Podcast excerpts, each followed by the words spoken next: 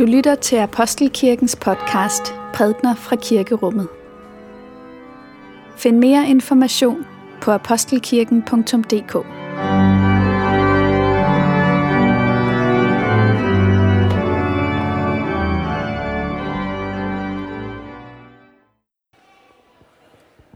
God formiddag alle sammen. God formiddag og velkommen til gudstjeneste her i Apostelkirken. Det er dejligt, at I er her. Vi skal være sammen om et tema i dag, som øh, hedder Kom og se. Det er historien fra Johannes evangeliet om Jesu første møde med de mænd, som blev hans nærmeste medarbejdere og hans disciple. Lad os takke for Guds ord.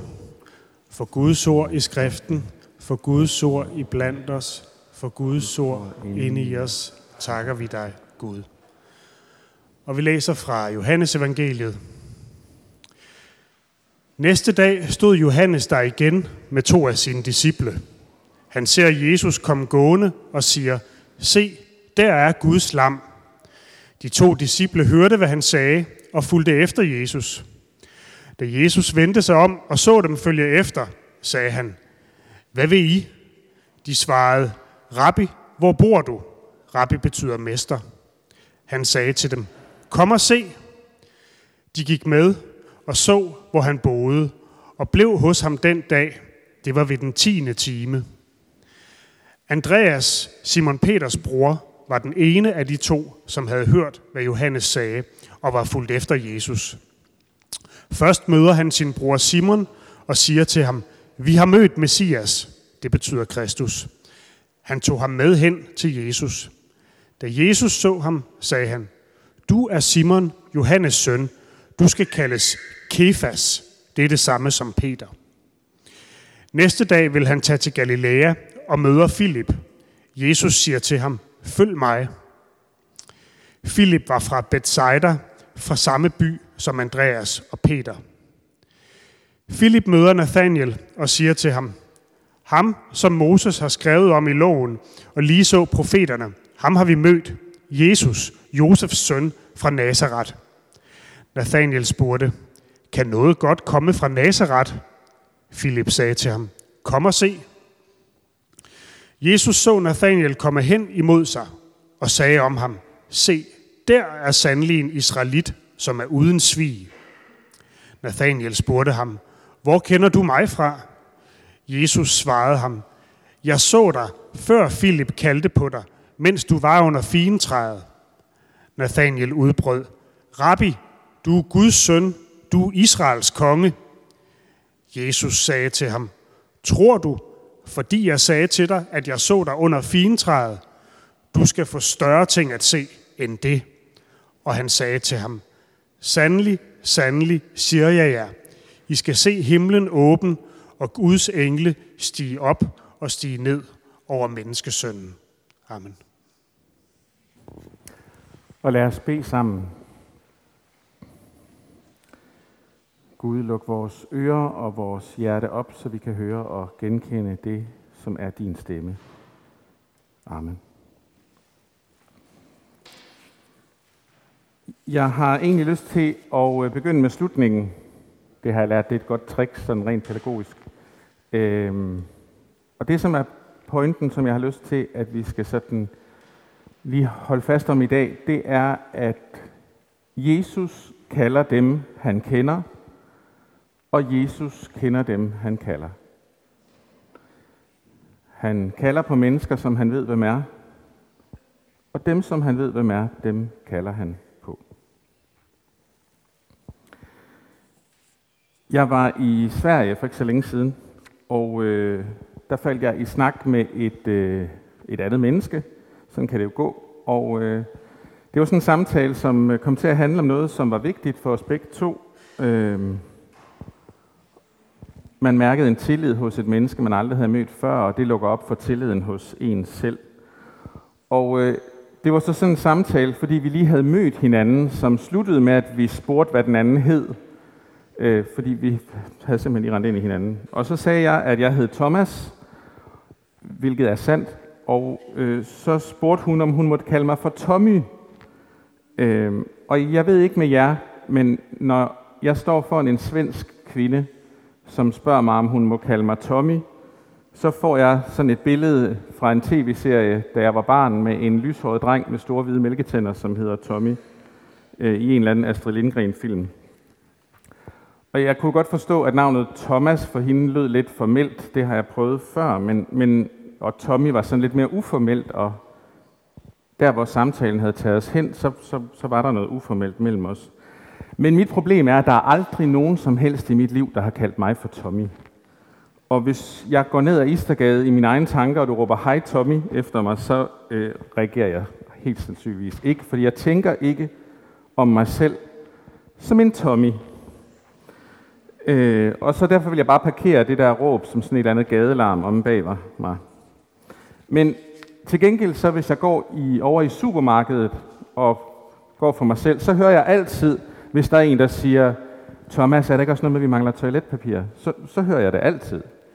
Ikke? Øh, og der er 42.000 Thomaser i Danmark, og, og statistikken siger jo, at det, det er nok ikke nødvendigvis mig, de alle sammen taler til, der siger mit navn. Men jeg kan jo ikke lade være med at tage mit navn personligt, når jeg hører det, og når folk bruger det. Og så kan man kigge op i supermarkedet der, så kan man opdage, at den der lyd, Thomas, den kom ud af et menneske, jeg ikke havde set før i mit liv. Og så er det jo nok ikke mig og min sådan vurdering af toiletpapirbehovet, det, det handler om. Det kan også godt være, hvis du råbte Tommy længe nok, at jeg vil kigge op jo. Og så vil jeg måske kunne genkende dit ansigt og vide, at det var mig, du kaldte på. Så har jeg også prøvet, som jeg tror mange af jer har prøvet, det her med, at et barn kommer hen og, øh, og trækker i ens tøj, sådan insisterende, og siger, kom og se, kom og se. Og, øh, og så følger man med, fordi man kender det barn, og fordi man har lyst til at vise, at det, som er vigtigt for det barn, jamen det er også vigtigt. Og så stavrer man efter det her barn og kommer derhen, hvor man skal se noget, og så står man der nogle gange, og så må man jo spørge det her barn, jamen, hvad er det, jeg skal se? For det er ikke altid så nemt lige at få øje på det, som barnet ser, når man står der. Og så går barnet måske i gang med at beskrive, at der er en bille i sandkassen, eller at træet ligner en kamel, eller at der går en hund over på den anden side af vejen, eller at den tegning, som man har tegnet i virkeligheden, forestiller et folkevognsrugbrød. Og så er det som om ens øjne lige sådan skal vende sig til terrænet. Man skal sådan lige ind i barnets verden for at kunne se det, som man bliver vist. Man kan ikke umiddelbart se med den andens øjne, heller ikke selvom vedkommende har sagt, kom og se, ja, man kunne godt komme derhen, men man havde brug for lidt hjælp til at få øje på det, som var det, man skulle se og kigge efter. Det betyder noget, når der er nogle mennesker, der kalder på os. Og det betyder noget, at dem, der kalder, ikke bare om de bruger vores navn eller ej, men det er mennesker, som har brug for os som dem, vi er, at de ser os som dem, vi er. At barnet trækker mig i buksebenet, fordi det er min nevø.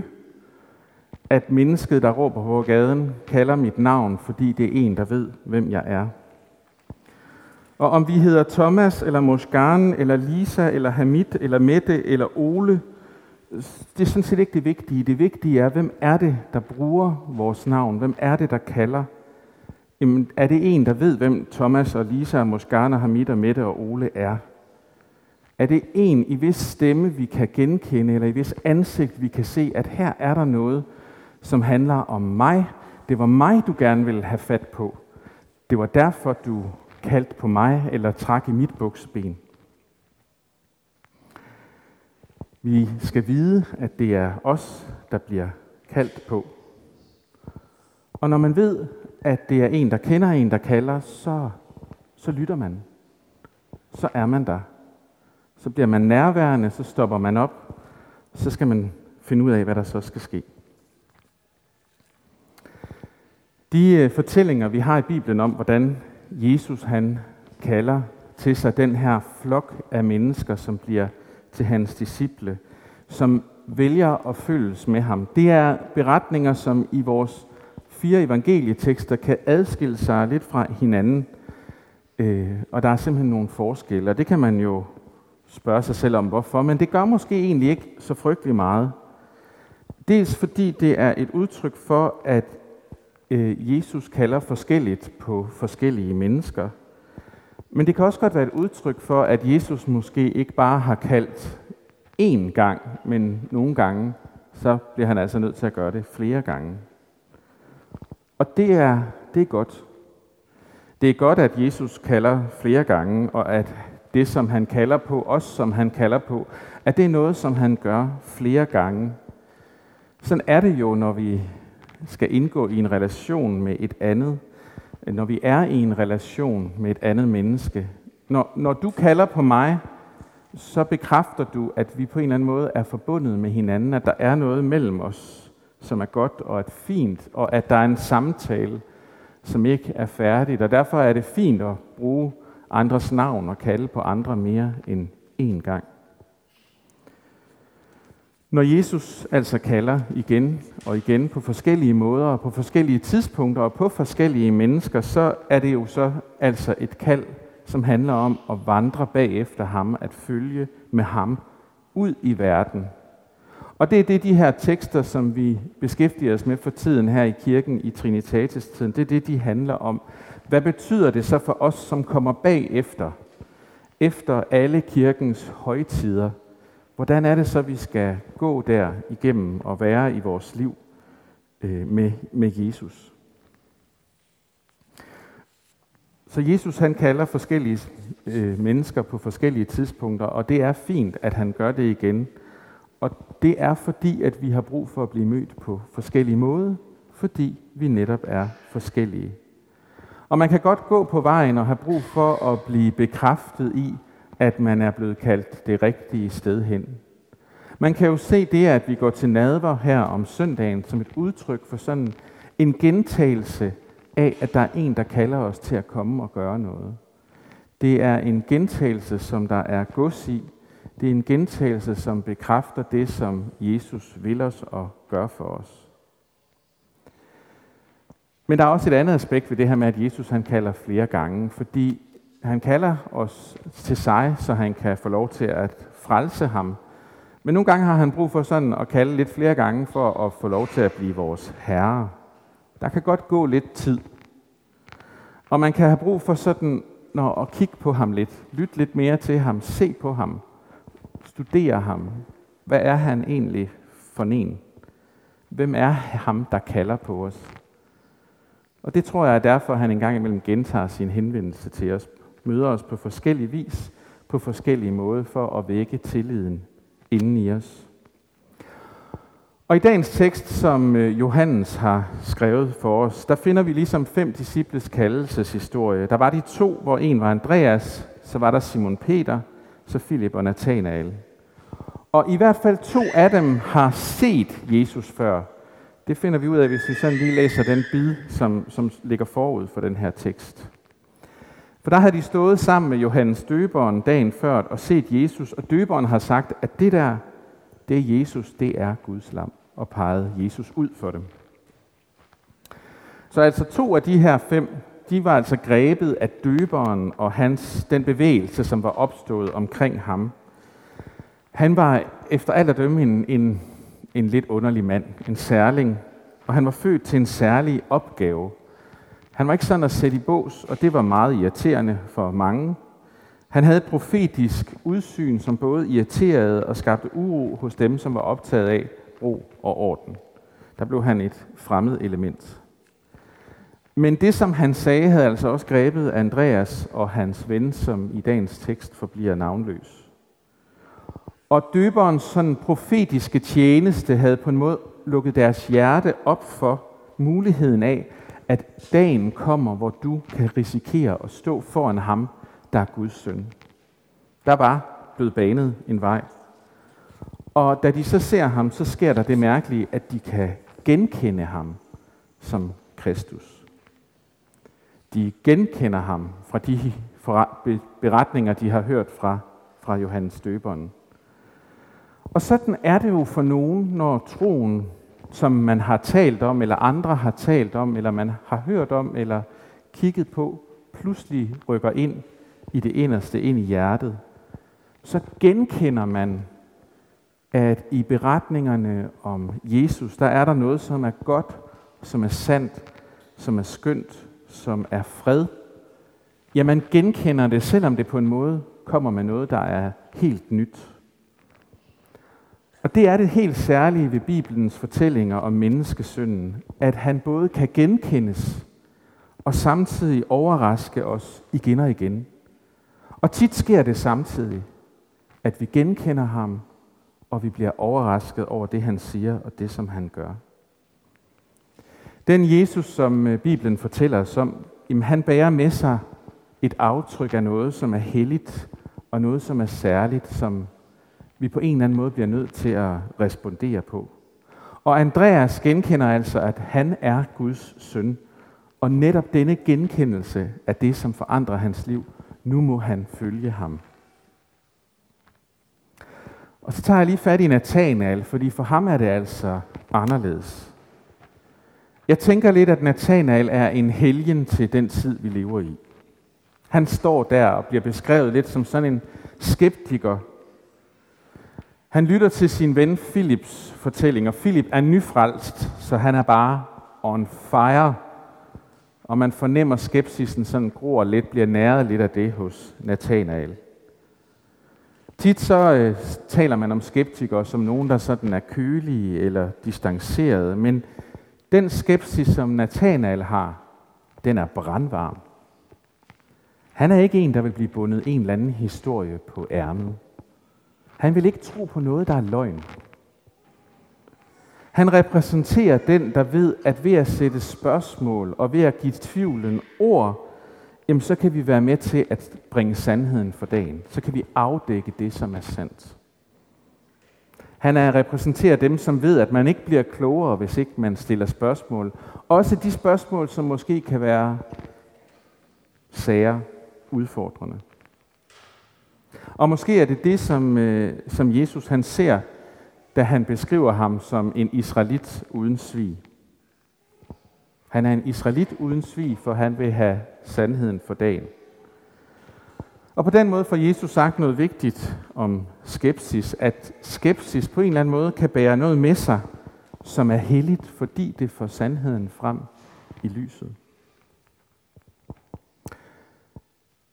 Andreas bliver kaldt anderledes end sin bror. Han var berørt af døberens profetier og fortællinger. Nathanaels møde med Jesus bliver et helt anderledes møde end det, som Filip han havde. Din vej er anderledes end min. Men det, som er til fælles, er, at selvom kaldelsen er forskellig, så kommer den fra den samme Kristus, som kender os, og som kalder os, og som kalder os, fordi han kender os. Når man følger efter ham, så kan det komme til at koste, fordi det repræsenterer noget nyt. Og måske er du et af de mennesker, for hvem det har kostet. Du kan fortælle en historie om, hvordan det at gå i Jesu fodspor, det øh, kostede dig noget. Men det er ikke sådan radikaliteten i efterfølgelsen, som er det vigtige, tror jeg.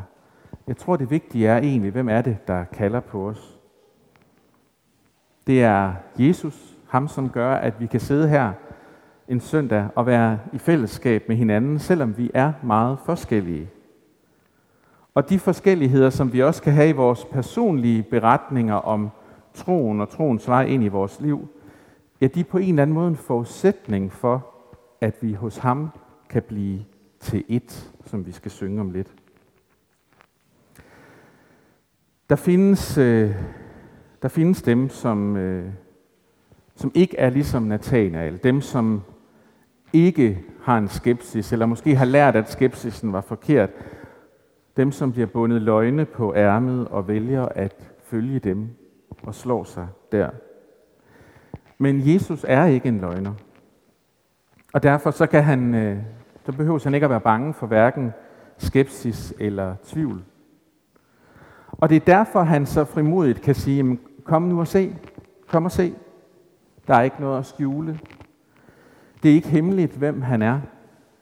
Det er i orden med spørgsmål for Jesu vej ud i verden. Den sker i det åbne. Du må komme, og så må du se, hvem han er. Kom og se, siger han til den, som har fået øje på ham. Tjek mig ud. Han lover både Andreas og Nathanael, at der er noget, som han vil vise dem. Der er noget, de skal se. Men han inviterer dem også til at ved at følges med ham få et helt nyt blik på verden. Deres synsvinkel og det, som de skal få øje på, det forandrer sig præcis som når barnet fortæller mig, hvad det er, jeg skal se, og så pludselig, så kan jeg måske lidt bedre se, hvad det er, vi snakker om. At blive inviteret til at følges med Jesus, det handler om at blive vist ting og forandre sin synsvinkel. Få et nyt syn på verden og et nyt syn på sig selv. Og med det er jo også sagt, at det at følges med Jesus, det er noget, der forandrer os. Det er som om Jesus siger, kom og se med mine øjne. Kom og se på verden sådan, som jeg ser den. Kom og se det, som jeg vil vise dig. Du skal selv tage skridtene. Du skal følge med mig, og så skal jeg vise dig det, som jeg ser. Og det er ord, der er løfter i. Ord om, at de må se himlen åben og engle dale op og ned.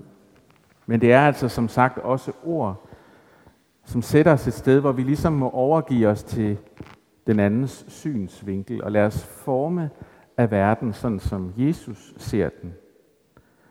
Så det at komme for at se, det er uanset om man er skeptisk eller ej, et skridt, man bliver nødt til at tage i tillid.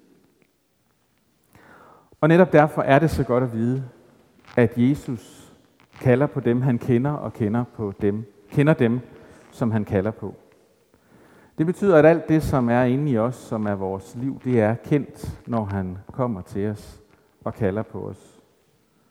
Om, han, om det er vores fortid og det, vi engang troede på, som vi måske har sluppet, han ser, eller om det er vores skepsis, eller noget helt tredje, så kender han det, og han kalder på os alligevel. Den verden, som Jesus ser, den udgår fra ham selv.